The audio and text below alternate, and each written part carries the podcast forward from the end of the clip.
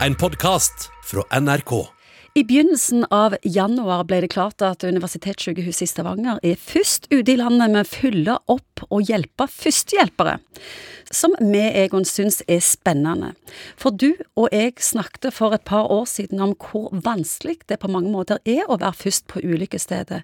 Det setter spor. Det gjør det, og det, det morsomme er at det programmet vi hadde den gangen, det gjorde at jeg ble faktisk litt sugd litt med i oppstarten av dette prosjektet. Fikk jeg være med og spille inn noen momenter i, i oppstarten av det prosjektet. Og det er jo et vanvittig bra prosjekt med mye flinke folk som er inne i bildet.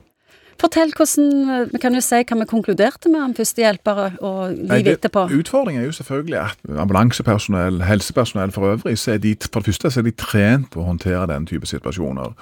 Og så gjør de dette i embetsmedfør. Dvs. Si at hvis det er helt spesielle opplevelser, så får de en anledning til å snakke om det, og de får fulgt saken, sånn at de intellektuelt, kognitivt sett, får en anledning til closure, som det heter på fint. Og det får ikke vanlige folk det det som, er, kommer først på ulykkesstedet. Det, det, det, er litt spesielle for det første at det ikke er en forberedelse. Det er ikke, dette er ikke folk som er proffe på dette i utgangspunktet.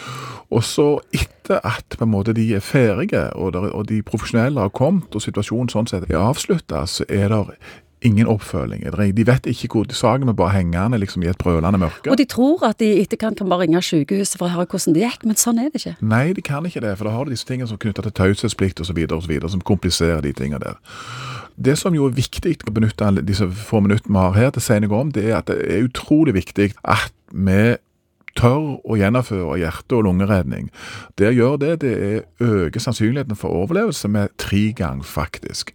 Selv om vi er usikre Og ikke kan det helt. Ikke kan det helt, så er det vanvittig mye bedre at du forsøker å få dette uavhengig av egen erfaring. For det øker sannsynligheten for overlevelse med tre ganger. Men til tross for det, så er det sånn at de fleste som får et hjerteinfarkt, eller um, hva det måtte være, de fleste dør faktisk. Så det er kun en sjettedel faktisk som overlever. Og det betyr at veldig mange fort kan tenke var det noe jeg gjorde galt? Var det min manglende erfaring som gjorde at vedkommende døde? I 2019 ble 3715 personer forsøkt gjenopplivet. Og så er det ca. to personer involvert i hver hjertestans. Og det, bare der har vi jo 7500 mennesker. Ja, så det er mange dette gjelder. Det er det. Og så er det jo sånn, men eh, Der er mye forskjellige. Noen er jo flinke og rister seg sånne ting ganske kjapt sjøl. Mens andre tråler dødsannonsene. Mens andre tråler dødsannonsene og prøver på alle mulige måter å finne ut hva, hvordan har det gått med vedkommende. Og så er det jo òg noe med at eh, for profesjonelt personell så er de, de på en måte har en større trening og forberedelse i forhold til å se mange ubehagelige ting. Men du kan òg tenke deg å være i trafikkulykker, f.eks. Hvor, eh, hvor du, du, har blitt utsatt for synsinntrykk som du ellers aldri har vært forberedt på. Og, og, klart at det at det er en mulighet for et telefonnummer Noen har snakka med om dette, er jo ekstremt bra.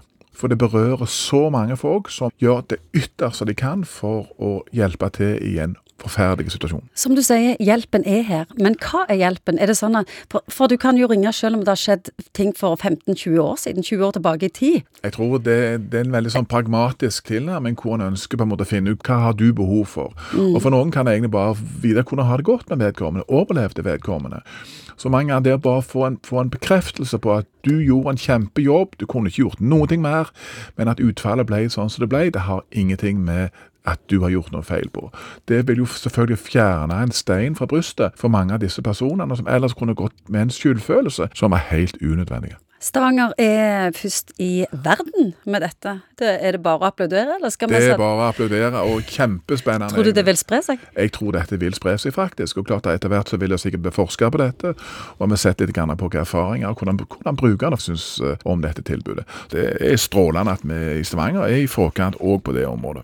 Og telefonnummer du kan ringe, det er 903 66529.